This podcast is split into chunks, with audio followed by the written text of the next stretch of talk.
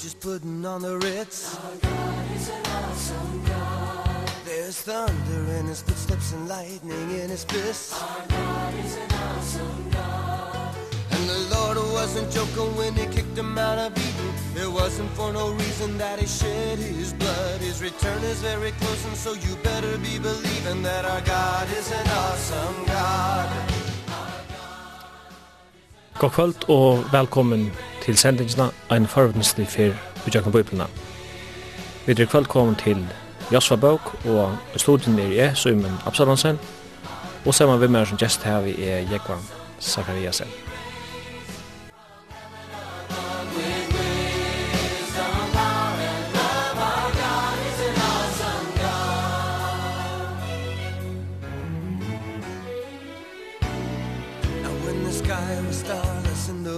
of the night. Our God is an awesome God He spoke into the darkness and created the light. Our God is an awesome God In judgment and wrath He poured out on Sodom And mercy and grace He gave us at the cross.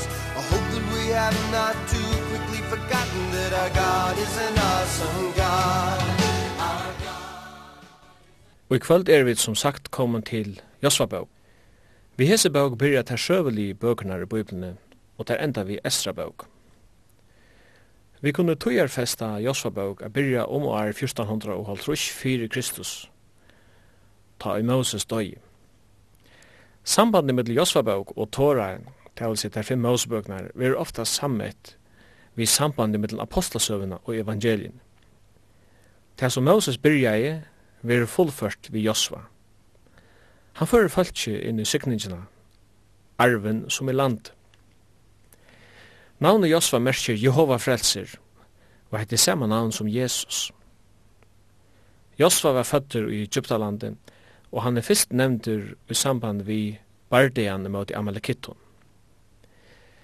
Josva var vi Moses i afjallenon ta i Moses fekk launa, og han var ein av njøsnaren og var kjendra kanna land, og etter bojegods var han setter som ettermæver Mosesar. Han førde i Israel om Jordan, og han sikra i tjei tjåun og 31 kongon. Saman vi Kaleb er Josfat han einasti av tilkomne falskje som fer ut av Egyptalandet, og som eisne kom inn i Kanansland.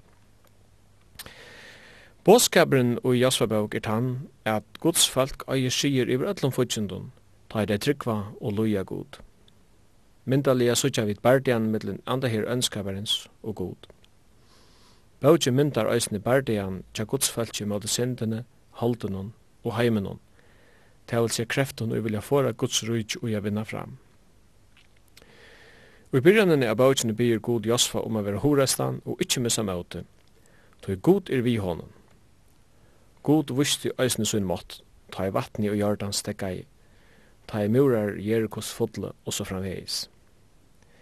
Tepe i møte bøynun ei, var røndeveri og tepe møte synd. Guds vrei stekka et ta i synden var refsa, og Josva kunde halda fram. Anki kunde stekka Josva. Røvan tja Josva til falski stått åren han døy er hovedkjandi. Han er tant gode fra til han var unger. Nu er han gammal. Han er valgt herran ta han var unger. Nu be han falski velja kvann tei vildi til henne. Vel folksins fekk onko avskan av vel ikkje Josva. Han sier, «E og husmutt, vid vilja tjene herran». Samanbæra vid farvelrøvene kja Josva og Moses, så sutja vid han over hans ståra profetiska myndeløygan, som eit kjente livskveldi kja Hesumbaven, mannen. Og Jekvann Zakariasen er i kvöld. God kvöld, Jekvann. God kvöld. Og velkommen. Takk fyrir hvis vi ikke at Jossabøk og, og sammenloknene vi som man sier hinner kanonskriftene hver, hver plasserer vi den, hver tøytning hever hun i gamla testament. Ja, hon, hon er ekkert vel plasseret, må jeg si. Jeg hadde en stemte som en brygg i middel der fem Mosebøkene, og nå tar vi kommet inn i den søvelige bøkene, og som du sier, eh, somleis som uh, apostelsøvann, stemt som en brygg mittel evangelien og brøven så det er det en Josva-bok. Og bogen løser nu er folk kjemer inn i landet som Gud hei givet lyfti om. Nek, nek var åren, da han gav lyfti til Abraham Isak og Jakob at hei skulle få at det lova i landet.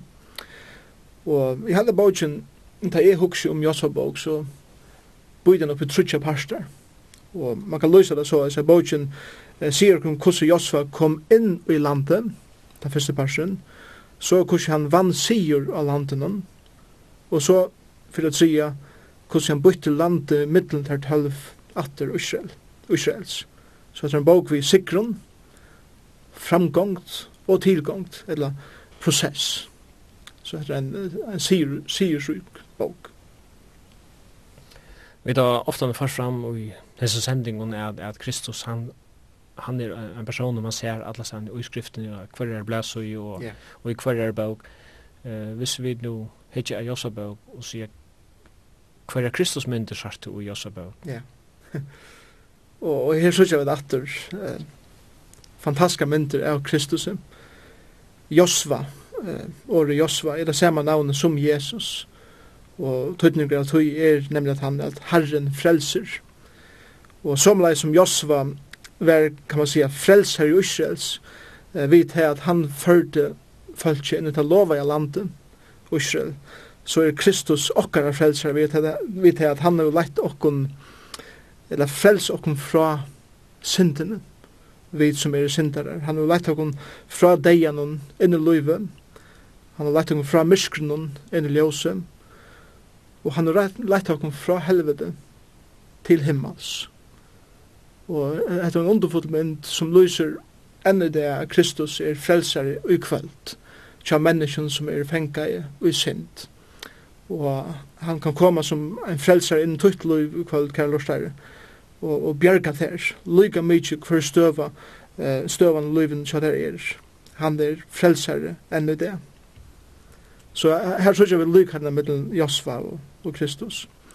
Men jeg halde sjálf at vi hitta Kristus sjálfan i bókene. Og det er sånn vi i femte kapitlet. La meg bare lese det helt kjøtt. At det er kvalitet fire at Josfa skal letja Jericho. Så leser vi at mea Josfa var stadig vi Jericho hent i hetta. Hon var hitjandi opp og han fikk ta at sutja mann og stå framme fri honom vi dritten og svør i håndene. Josfa får iver til hans her og sier Erst tu av okkara mannen, eller eina futsunnen okkara.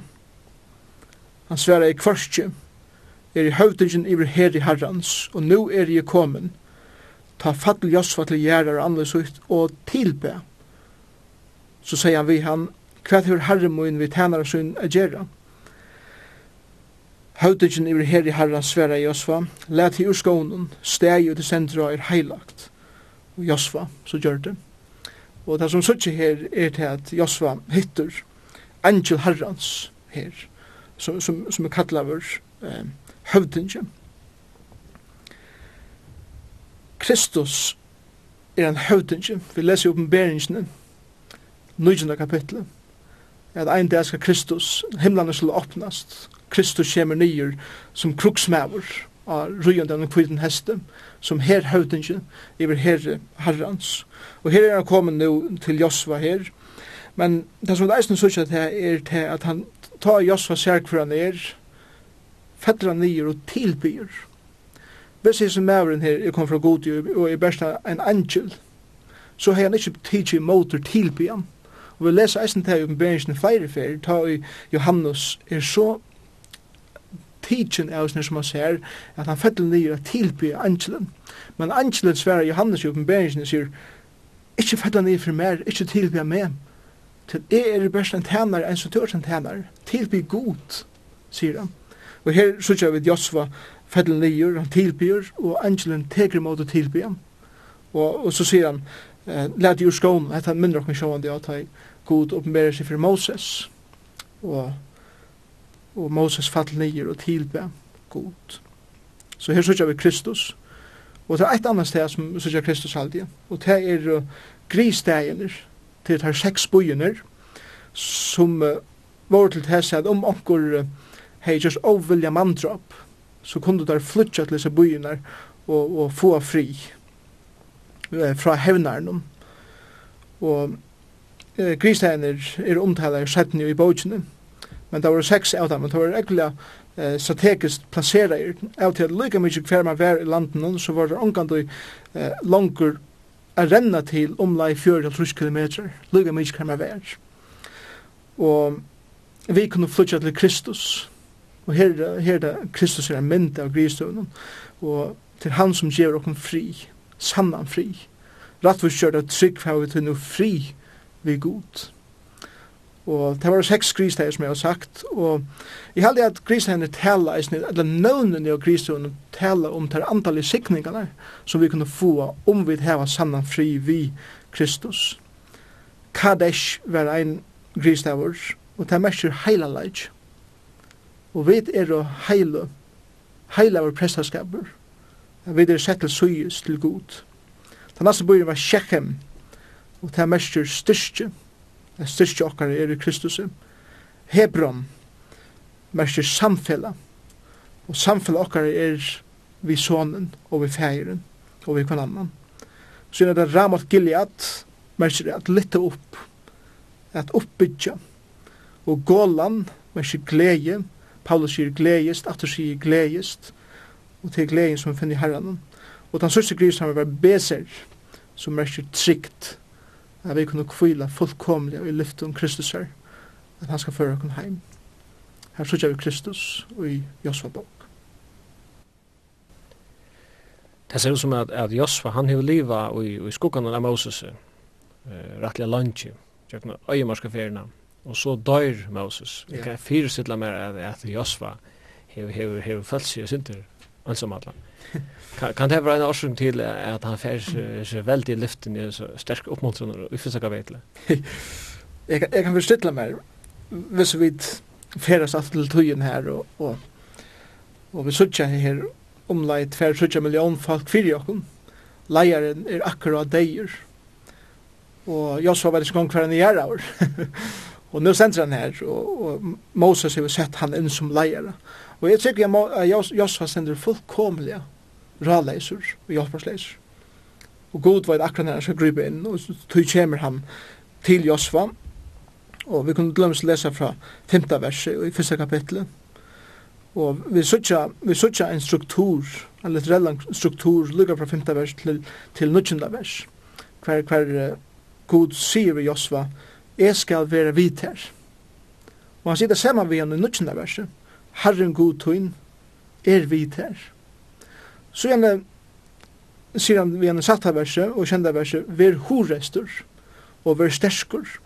Ta sier han eisne vi gjerne nødgjenda verset ver horestur og sterskur. Og i kjenda verset sier han satta vi gjerne så to hever etnina vitt her. Og ta sier han etter åttenda verset ta skal det gengast vel. Men vi kommer til sentralene i, i sin strukturen, som, som vi kallar kaistiske strukturer, um, er hentan lovbok, må ikke vitsjer om omtiden. Og det er det sentrale i Josva bok, at Josva heldur seg til årgods, til, eh, til år som han finnes ikke åpenbæra fra gode. Og han sier til dømes, hentan lovbok må ikke vitsjer om munnen tøynen, så Josva skal tala med og vittnene fyrir for dem som han leier. Nei, du skal grunda av henne det og nått. Så ikke bare skal han vittna, men han skal eisne grunda av, han skal huksa om, uh, og velja, velja huksa djupt om hva det er som god lærer. Og så gjerne, så du akta vel etter å gjøre øtlentøys som i henne sender skriva. Så ikke bare at tale til å vittna, ikke bare å huksa om, men eisne jeg fører det til livet, det er det som god sier vi oss for. Liv året. Og hva er så utslutte? Ta skal til gengas vel uten leietøyne, og du skal heva framgånd. Og hatt du giv Josva veldig styrke, tog at uh, vi leser tutsjende verset, Josva gav nu omkjørende mannen folksins hetta bo. Det er akkurat som nu fikk han styrkjene, fikk han uh, mot av nutsjon, og han sier, la deg kom færre. og så er det veldig lyfter som god gav Josva, og til lytte han opp om en løte så får det at bevega hon iver om Jordan sa, ja. og hytja nærja hva det, hva det hendte. Ja. Men vi får at høyre et lærfist. Musikk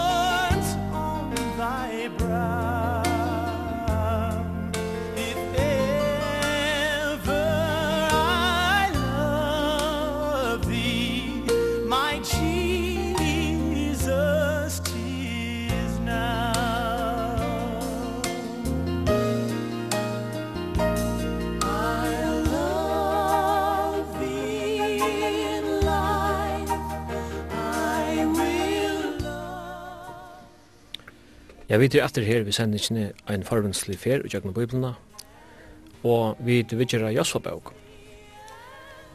Jeg kan vite hva ta seg om uh, byrjanen av bøkene. Jeg kan huske at uh, kom jeg synes inne på en kvinne som vi nevnte bøk som kalles for Rahab. Ja. Uh, hon bor jo i Jericho, og hon er hon er nevnt 17 i Bibelen nok så ofte. Ja. Og et som jeg har heft med vidt, jeg har lyst i Josfa bøk, det er at uh, kvinnan omtalar uh, fyrir njøsnaren tilbor som far fram fjörda fram undan ta i god uh, torska rei her opp ja. og falsk jack i rom ja. og det har gjort inntrykk av falsk i Kanasland og, og sjalt om fjörda arvar var gingen så stod det pura frukst og i synden av som falsk og hon sier vittar god tekkar han er god bæg oppi himmelen mm. og nyrja gjør fjörda at han ja. eh, ta Hei er tølv njøsnar er fjörda som undan var færen inn i landet. Tassat det der, videre som græshopperne hadde falsk inn i landet. Så man ser hvordan njøsnar ser opp på falsk i landet. Men her ser man fjörda at man hvordan falsk i landet sa opp av utsett folk. Akkurat. Til en veldig monra. Hva hva uh, sier Rahab her? Rahab var en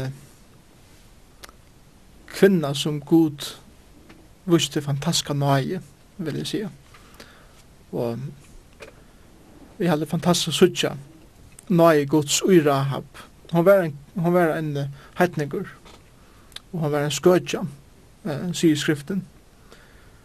Men eh, da vi stod opp i Nudja Testament, så suttja vi det at at hon er en av atar Jesus er at Jesus er i linje vid Rahab. Hon var åldram av Davids kongs. Og jeg synes ikke hvordan god veler folk som ikke vil ha henne gjøre og vise dem nøye og bruka det såleis. Det er helt fantastisk vid Rahab. Og hon, sjående, hon krekva i njøsnarna til det tar på til det kom inn kanna Jericho. Og hon gjør det sånn man har vitt der. At ta i ta det kom inn, hon visste det at her fara fatla, at hon og familie henne skulle eh, iveliva. Og den reie traveren som hekker vindan var så sjåan soppmala tekne, eller tekne, eh, oppa soppmalan, som da gjør det vi henne. Um, vi sørger i, i øren kapitlet, nutjenda verset, hva, hva, hva for forhold hon heier til god. Hon sier vi her, jeg veit at Herren hever givet til landet. Så her sier vi at hun, at hun tror god, hun, hun er trygg av hver god er og hva, hva den fyrir gjerra. Hun ser eisen mått gods alltid. Uh, hun sier, tui rastla er fire tikkun, er, er komin av okkun, ja, engis fyrir tikkun er av öllun som er landen hun byggva. Og hun kjenner eisen persongods, så sier vi i etlenlega verset, at uh, tog Herren god tykkara, han er god, sier han her. Eh, han er god, bægi opp i himmelen og nirre av jøren. Her så ikke en kvinne som er hetninger, som er skøtja, men hon tror god. Og til det som hebreer brev 11.1 og Jakob, Jakobs brev 2.25, sier okkom, og i Nødja Testament, at Rahab var en kvinna som tro gode, og versk hennara prekvav eh, trunna som en hei. Vi møter henne i første kapittel i Nødja Testament. Ja. Mattias sa at her er, er attertalva Jesus her. Ja. Attertalva her er eh, eklamans dominera her, kan man si, alla sen her, vi sier der. Ja. Og i Mattias sa at er fyra kvinner nevnt der. Ja. Den første er Tamar, mm. som var skøtja. Den neste er Rahab, som är snöver med skötja. Den tredje er Moabit-kvinnan Rott. Nemlig. Og den fjärde, det er nesten något som, som talar för sig, det stender at, at David og Salomon vi kon i Urias. Mm. Man kan man kan se så här snäda kommentera om her. Nemlig. Um, her er ikke packa inn. Och nei. Ikke for under teppet. Man kan si se Bibeln er en øyelig ærlig bok. Ja, hon hon er ju bänken för att se bara som är hur så fast blir det. Og heter att halva Jesus är altså god uppenbara over i holdet. Ja. Og det var ju en synd att att han menneske, kan man säger. Så man kan si på Ivan at det var han kommer ikke gavns lea. Hvis man skal bruka den för. Hvis man ska bruka. Hvis man skal bruka det her myntna, ja. Men at det var ju att det halde är nøye gods, hvordan han brukar fullkomne mennesker til at utføre noe som er fullkomne, som är sån Guds särskilt att också med här är kvinnor som kunde bli nämnda här, Sara och Rebecca och som elegant i omloppnar. Ja, nämligen. För, för jag pintar sin på det, men det gör skriften inte. Hon sier ting som det er. Ja. Det hender nek ting i, fra kapittel 3 til 5. Og, og det er ikke seg til, til, til andalige tøtninger og, og nek som heter affær om Jordan og og um, tar tekka steinar upp på Jordan, amenningar steinar og vi så at det ørskjen fer åtta tjøysa smån i rom, og ja. da vi kom i rom så lesa vi om at, at uh, folk vi omskår, det var jo omgang hent at årene i øymarsen, og så halda det postur, det hadde heldig ikke gjort i øymarsen, og så helt mann opp her, det er jo vært alle døgnet i øymarsen, så det heter en veldig ombrøyding som fyrir fram. Ja. Hva sier du om alt det som hender her? Ja, at det er fantastiske samleikar. Eit som jeg aldri avverst, er, er til at Øsres folk får iver om Jordan, og at Torrum, Og her har vi faktisk reihavet, ena for et træt. Og det stender at at det får i rom ta i øyen var hakst om heste. Så ta fleit iver oabakkene. Så ta i det var mest osannsynligt for at øyen torskais opp. Valde god at gjøre det ondre, og uttoja presteren trakka i ut og anna. Ta, ta breit han vattnet sundre og ta gynko i rom av torrum. Så her synes jeg det er veldig under i, i Josva bok, enn jeg vil helt Og Sottmålørsene nevnte du. Hon er nevnt allan vegin til andre kapittel og til tredje kapittel, atter og atter, som viser okken til at at Ørsken er det sentrala. Hon er det han som gonger fremst. Og mynden som vi har her halvtid er det at har vi gengur til løyve, hvor er det fremst i okkara? Er Herren fremst fremste løyven, og om man er, så er det sikrande løyv som kommer. Ameningar steinane er eisne avhøverder, Det er tåser om i, i uh, tredje kapitlet. Og til, til dømes fra eh, 20. ørende, i, i fjore kapitlet, var det, ikke tre kapitlet, fjore kapitlet. Her er Gilgal reiste Josva hinner tølv steinane, og vi hette tidsi upp ur jordanamne. Og han sier vi ursas menn, ta i bøtentikkara og i kommande tog spyrja fedrar søgnar, hva hef hese steinar og tøya skulle sia bøtentikkara fra tøy, Israel tjekk av turrun om jordan her. Kvoi, tøy herren god tekkar lad vattnet i jordan totna upp fyrir tekkon inntil til var iver omkommen, enn så herren god tekkara gjør vi rei hev. Han lad totna upp fyrir okkon inntil var kommet iver om for at alt folket var hjørne skulle sanne at hånd herrens er stersk, og for at til allar dier skulle øttas herren godtekkere. Hatt i grunden. Og måtte det være så, så i min løyve, at ta er så ikke storleika gods, storleika Kristus her i min løyve, det som han gjør, at det minnest, at jeg fortelja bøttene mine, hva herren har gjørst, hva han er, og hva han er fyrir fyrir å. Det er sørger vi og just her. Ja, så nevnte jeg omskjøringene og postjene. Postjene var ikke helt nær for det følte det for ut av Egyptaland og i RMOs bok 12. Og, og medere som det, det finnes jo øyemørsene som, som eisen var hatt omtur, heldig opp pæt. Til nå er det kommet inn ut av lova i land og få det føyene eh, som til lova i landet bærer. Jeg synes jo at de færre tjekk noen, eller de færre måte bojen noen, og den første bojen tar teka til er Jericho, og nå uh, vet vi at, at Jordanøyen, hon er, uh, hon er øyla la, eller hun renner forhold til havsens ivflat, yeah. så, så uh, jeg mener, de har ligget enn 400 meter under. Ja. Og jeg lyser også enn at det er øysens folk for i rom her, det måtte være en 300 meter under havn. Under havn. Her som det er for i rom, så... Ja. For jeg kom inn i landet, så skulle det lengt ned, og det er kanskje ligger visse symbolikker. Ja. Ja. Utøy, ja. ja. Og Jericho sikst av vera eh, heimsins lagste bøyer. Ja. Jeg vet ikke om... om av laksa steg av hjørnet. Lagste steg av hjørnet her, her, her menneska bøyer, altså 250 meter. Det er kanskje ikke vi anker Jesus brukar minna, det er med i Jerusalem, og man til Jericho, og fattelig i hender rånsmanna. Og så har det alle symbolikken som er i samband med Jericho, er at det er ofta mynda heimen, ja. og at uh, tar, tar teka bøyen, det leser vi dem, og da tenker vi at marsjerer noen omboi. Ja. Eina for om dagen og kjenda dagen, så fer det sjefer og, ja. og gjør raup, og så tar just det. Og ta, og ta svør, eller, eller, og ta nekka. Nekka slum. Mm. Så der, annars brukte vi at det er boier. Ja. Eh, hvis vi samanlokna kapitel 6 og 6, så, så, så gjør vi at det tar Jericho i kapitel 6, og, og i kjenne kapitel er det ei, her mislukkast det fyrst, for det tar nekka hen. Hva, hva kan vi lære hvis man kapitel?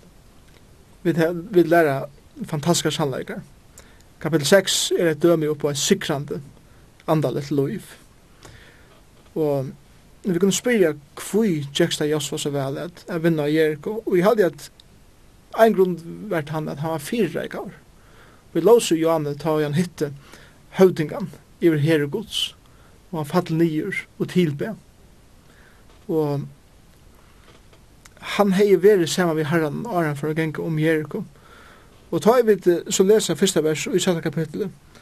Her sender jeg Jericho helt porsusunne stongt og vel atleden. Anki far ut og anki slapp inn. og jeg tykker jo i egin så Josua hevde se, hevde se ekkulia um, ja, det ser mot, altså, han fattar en fattrakning vi, ser ekkulia omøvlet ut. Men så kommer god til han i øre vers, ta seg herren vi også, jeg har givet jer, gå alt i hånden uten hender, og god nevner ikke gong murene. så ja, mur, murer er, er ikke trobladje for god. Og det som er aldri avhavers eisen er til at det som god blir Josva gjerra, som du sier, at man skjerer den muren, er fullkomlig eh, ologisk til okkara tankagensj. Men eh, god gonger ikke til okkara tankagensj. Det ene som vi skal gjøre er at loja det som god sier vi skulle gjøre. Og av til at Josva gjør det her, sikra han bojen. Og hvis man ser det sin ui eisne hver man ganga fyrir, så tar det marsjera rundt. Første dagen, det folk som å steg på muren og hukk nyer, kanskje hermenner, her hukksas, hva, hva gjør det? Nasta dagen, tria dagen, og ikke hendur, ikke ein steiner flyttes i muren, og kanskje hava falskje på muren spotta, og det hava kanskje blæka vi alle møvlig nyr av falskje, det, det vidar vi så ikke, men, men det kan man fyrir seg fjord dagar, femte dagar, satt dagar, kjente dagar kommer anker hent. Og han kjente fyrr. Ta i prestene til blase lurene og folk skal råpa. Ta stendur. Ta skramta av murene sammen. Bant nye, og det gikk bant inn i byen og tog i byen. Så at Sjolten kan tidsas ologust mengan, det som Kristus spyr okkur gjerra, så er det vera lojen, og han gjer okkur siren. Men så er det kontrasten som er aldri så syrkjelig, og det er ei. Og her er det med som heter Akam, som heie, um, han heie bråte, uh, han heie bråte som heter Gode, god heie banna ims ting ui, ui, ui Jericho, og han heie stjåli av det. Og nå tar vi, uh, Josu har vunnet en veldig en sigur av Jericho, så sjåan det tar man er i hattene, så virkar alt annalat. Jericho var en sterske bøyer, store bøyer, ei var en pikkle til bojur. Og jeg så sier, veis hva, vi prøver ikke å sende oss nek folk.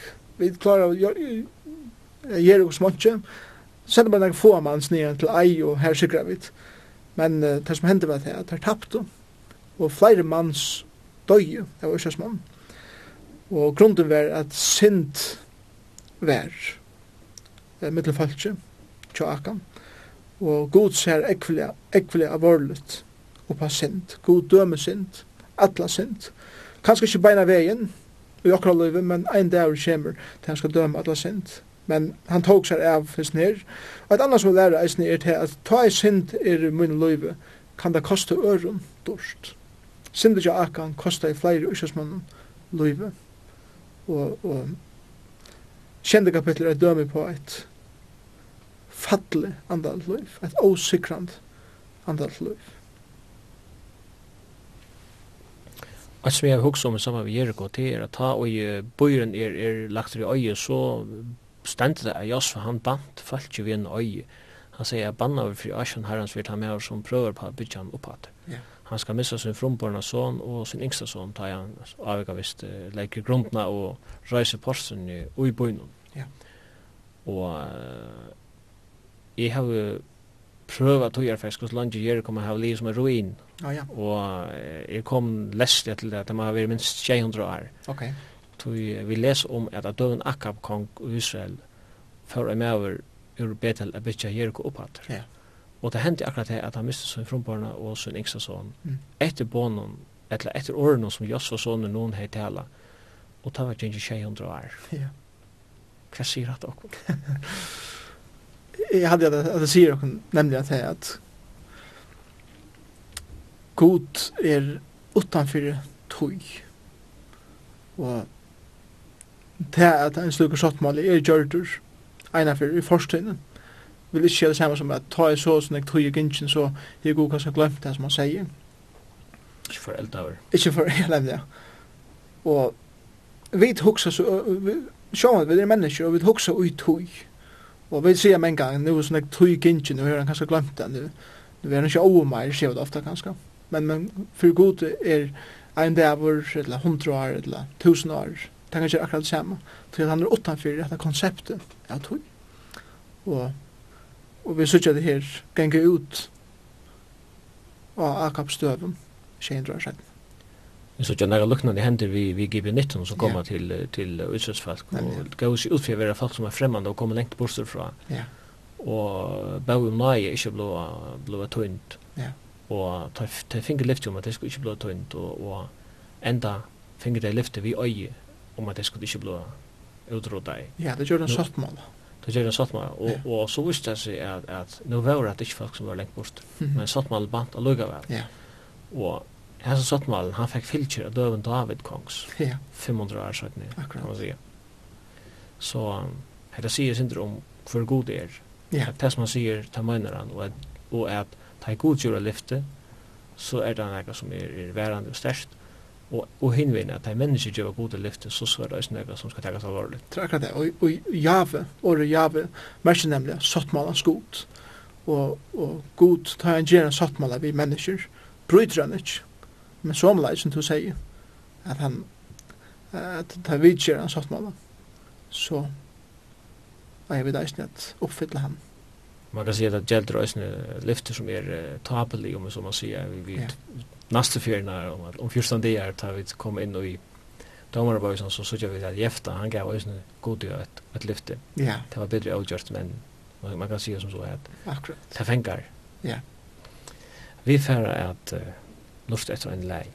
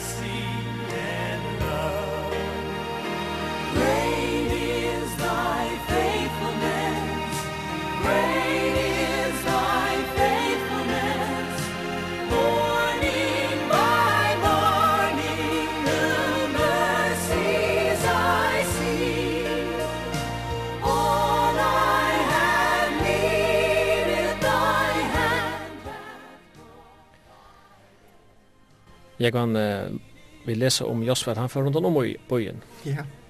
Og inntog han på Damada. Ja. Jeg kan ikke la det være ved å nevne Lukas Nøytjan, stender om Jesus. Han kom til Jericho, og han får jøkne byen. For jøkne. Og her hender noen ting i byen. Er det, er det noe evangelis vi kunne sitte fra oss her? Ja, uh, Jesus er kommet av leiden til som fortapte er. Og han får inn i byen var fannan. Några som fortalt vår Zacchaeus, en av dem. Og han sier, Zacchaeus kom nyer ur tränen. Og det skal komme heim til tøyna det er det samme her. Og her så ut et ombrøtt liv. Kvoi, så Jesus tog seg tog affær i kjøkkenbøy. At han har vidjana sier Jesus i Jericho, så er det två personer som er navngivner som fick ett man säger personligt möte med Jesus.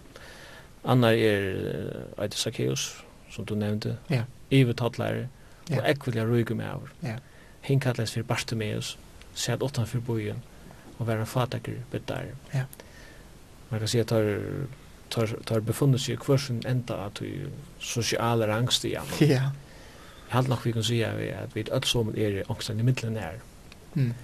Men det er att, att Jesus vi tjej torboar, la mætta ta en barn.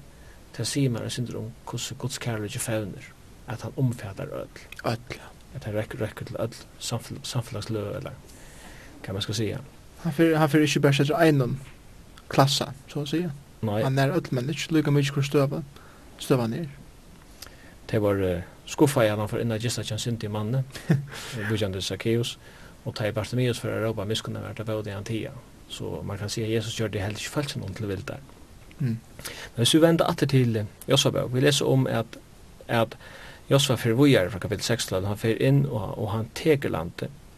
Ja. Hvis Vi så nu hvis vi nu uh, hittar etter metoden om, hvis vi skulle bruka, uh, jeg, jeg vet ikke om vi skulle få indla, indla herna var uttrykk, yeah. militær språk. Heian en av seg militærisk atlan? Ja, det det heian helt sikkert.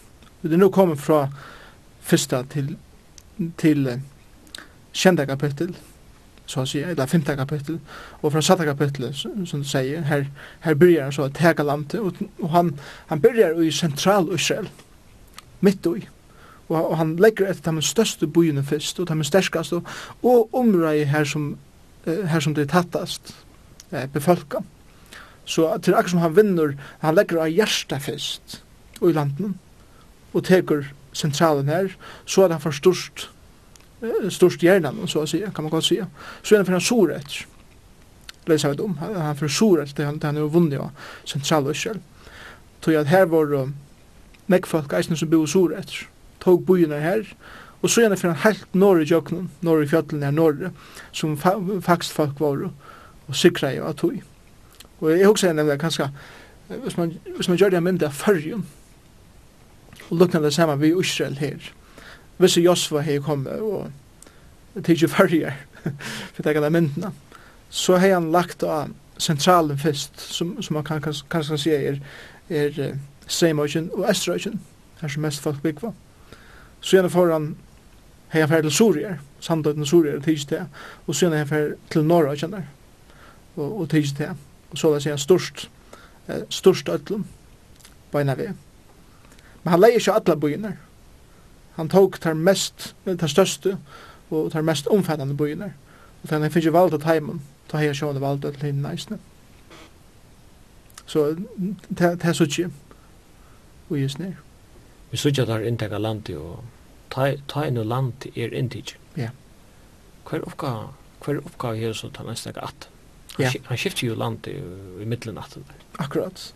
Fra kapitel 6 til 12 lesa vi om hvordan Josva tok landet eh, vi i sin trimon områden, sentrala, Hersuri og Norge. Men så fra kapitel 13 til 21, her fer han å byta landet sundur i middelen til 12 atter Israels, så, så at hver at fer sin landspart, kan man godt sige. Og Nu er det oppgåvan til hver er at her som det bosedast, at teka resterna til det skulle reka öll falskene som bygger ut, til skulle gjøre enda öllun, og til skulle ivetega alt og gjøre så fullkomner herrar og ut i områden som de lever i. Det er Josva ikke gjort en togland, han er bare tryggja seg at nu styrer vi det. Men nu sier han, ferdig hit nu og teg resterna. Og Jeg synes ikke en veldig andalig mynd og isen her reisen, at vi tar sikra i Kristus, eller han er sikra sjolvor, og tar vi der i hånden, så er vi sikrant. Men eh, Kristus sier reisen i okken at til nekv etter, og i loven ikke til kunne vinna, Ja.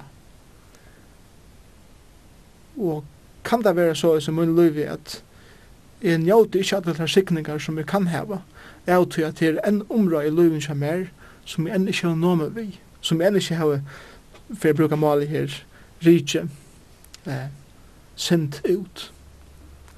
Og til det her som hendte, til å være ute av kommet og sørge nast for, eh, kjørsfalsk. Og et område som uh, ikke var inntidig, det var fjallaland, fjallaområde som kalles for uh, Hebron eller Kiryat Arba, hver, hver imens nøvn til så hever. Ja. Det ser ut for meg som at folk ikke var nøgt ved at uh, det gjør det jo ikke om man ikke tidlig alt, man heier det meste og så har man mer eller mindre uh, innstiller seg på at så la seg og Så er det en av røyselse som ikke er avkjent Kaleb, ja. som sammen med Josva var det eneste personer at de tilkom så for utdøyde på han som kom inn i land. Som inn i land, ja. Han var ikke nøgt ved å komme inn i land. Han ville ha alt land. Ja. Han var tru for seg gammal tar han för åtta nian i land här att börja med det som vi kallar anakittar som är som är risar. Ja. Du nämnde hetta her omræði som heter Hebron igen. Du du nevnte at Hebron var en grístøv. Ja. Og du nevnte at Hebron merkir samfella, altså altså fellesskap. Og hvis vi hittar atter i søvna, og er en Josebø, så sykja vi at Abraham bosett i Hebron, og mm. han bygde så tria altar i Hebron, og kjøpte Makpele her, og la gjerra over her, Det ser ut til å ha en tøytning. Og hittar vi så, så fram i søvna, så sykja vi jo eisen i at at da har vi rådde jo i Hebron, han var konger her i tjejar, Arn han Arn han ble konger i Rødlund og Israel. Ja. Kan det huksast at dette her vi at, at navn i Hebron betyr fellesskap, et samfella, at det er et område som fortjene røyner at att om man som man sier mobilisera mm. eller verja som som är att at fettler til i Guds hender eller i Guds folks hender Ja. Så er det et, et viktig strategisk punkt for alt Det er ikke jo så at en av mest tutningar mikle personer av de andre löven er samfellet. Og tru enden er et samfell som ikke vil bråte, og tru enden ikke har samfell vi okkom eh, som er i Kristus. Og det er eisen samfell som vi tøy kunne ha vi kan annan. Men som du sier, tøy verre mengan så, så legger vi et og luttland dent av etter at heva samfunnet, at koma, koma saman, det er helt avholdande fram ved samfunnet og at det er å kunne oppbygge hver annan, og amal hver annan, og leipa hver annan, og rattla hver annan. Og de andre løvene er egentlig området. Og jeg hadde fantastisk å sitte her i, i Josva-bok at, at det var en tru forsvarer gammal maver som fer er strujast og krutjast og renner fjöllun sies i sted at at eldre folk kunne være stersk og kunne gjøre et veldig arbeid handlings i samfunnet Og han yngste at heva alt anna som får i samfunnet borstubant. Det ser ut til at Lukas John at ja. inntega Hebron. Ja. Vi færre at uh, koma inn på avslutningen av bøtjen og her skulle Sintur komme inn på uh, de søgnaste røvene som Josfa hei uh, til fölkje, man kan si halsanens til fölkje, avsjøs halsanens til Josfa. Vi færre høyre etter æren.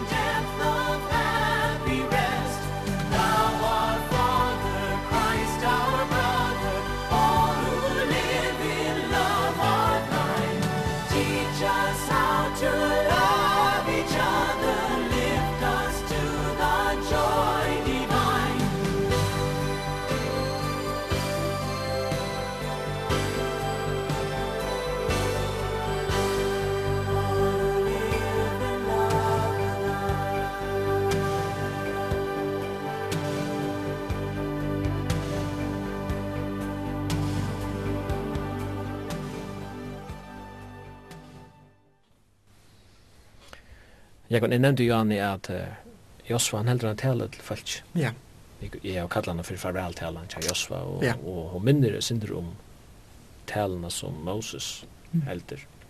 Da han sier farvel, og det er veldig autoriteter som alltså en en, en utstrålande middelage där man ja. läser sig rövna kvärt kunde lära om sådana här tal senaste åren känner mann eller kvinner er områdant Og jeg halte at att de er ofte de som standa etter, og som vi minnast best. Det som, det som Josva gjør her i 23. og 24. kapitlet, er til at han minner folk jo av hvordan Herren har lett deg, hvordan han har signet deg, hvordan han har givet dem sier, og han, han, han heiter så endelig av deg at halda seg til Herren. Men så vender han kan man säga kronen i hina syna och visar då att det här får hända om det inte fylja eh, loven herrans.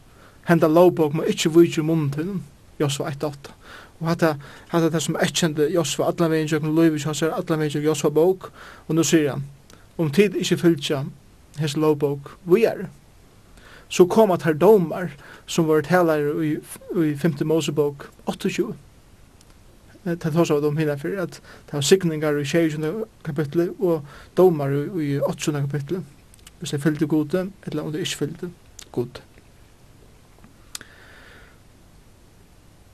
Og i kapittel 23 vers 2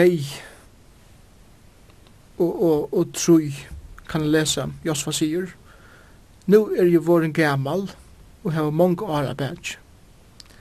Tid av å se alt og herren godtekkar hever gjørst vi ötlöse folk som har ræk ut fyrir tikkum og så sier han til tog det var herren god tikkara som bardist fyrir tikkum og dette viser hadde jeg eimjugleika eh, Josva han kunne godt ha tidsi heieren som leier folksins fyrir sigeren som det hadde vunnet men han veit at det var ikke mer fri at hakka han vet at nu vunnet land. Og han var ærlig, han var eimjugur og sier det er Herren som bærtist fyrir okkom. Og må, måtte jeg hatt tala til okkom eh, som er leier av imenskan hatt, andalega jeg sier eisne at vi ikke teka ærna fyrir tan avvok som vi suttit henne hos okkar, eller hva det sier, eller, eller om det er ja, arbeidsplass, eller skola, eller heima, eller hva det sier. Herren er han som er alle ærna fyrir alt eh, som, som hender, i løyvene som er. Et annet som vi sørger Josva eisne, og til et av likla versen i Josva bok er kapittel 24, vers 15. Ta og Josva legger fram og sier, nu må tid velja hva det gjerra. Men så sier han det her, men jeg og husmutt, vi skulle tjene herren. Han er i tidsjene støv, hva han yngste standa vi gode, og det var det at, at han skulle tjene herren. Og spør ikke mer, ikke spyr i kveld, hva er støv vi til tidsi, hva er rostar, for herren. Ikke du at, at, at få herren en løyvtøyt, eller først at ignorera.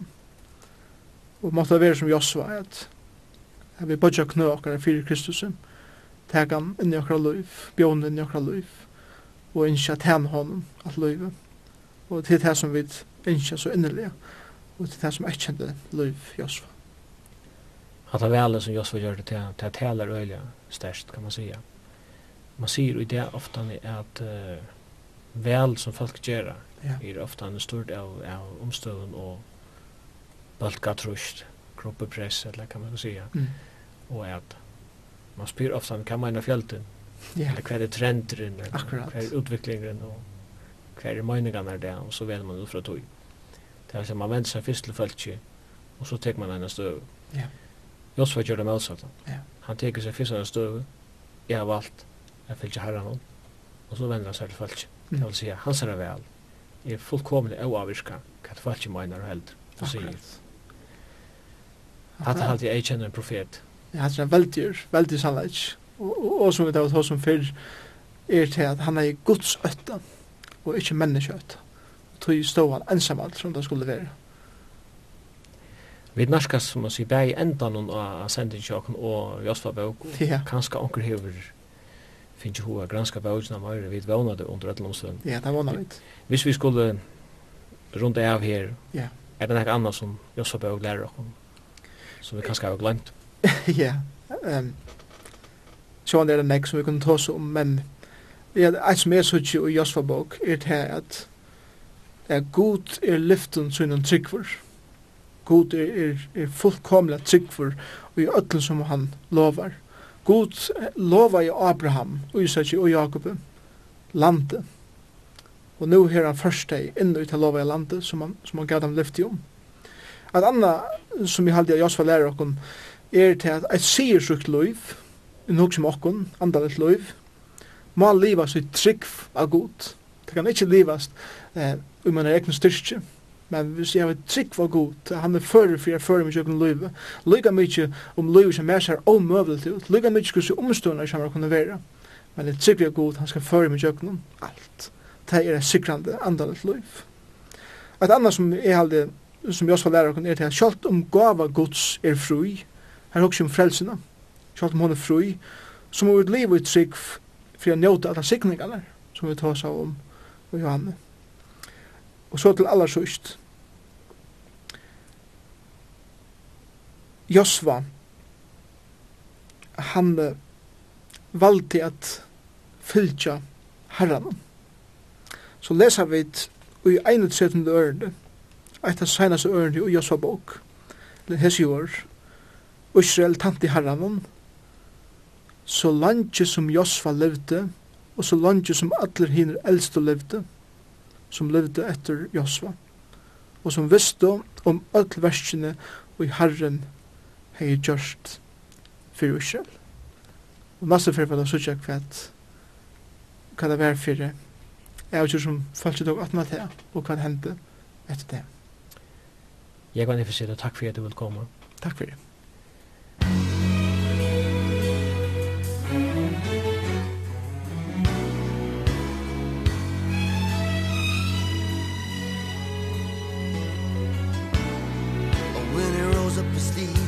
just putting on the Ritz. Our God is an awesome God. There's thunder in his footsteps and lightning in his fists Our God is an awesome God.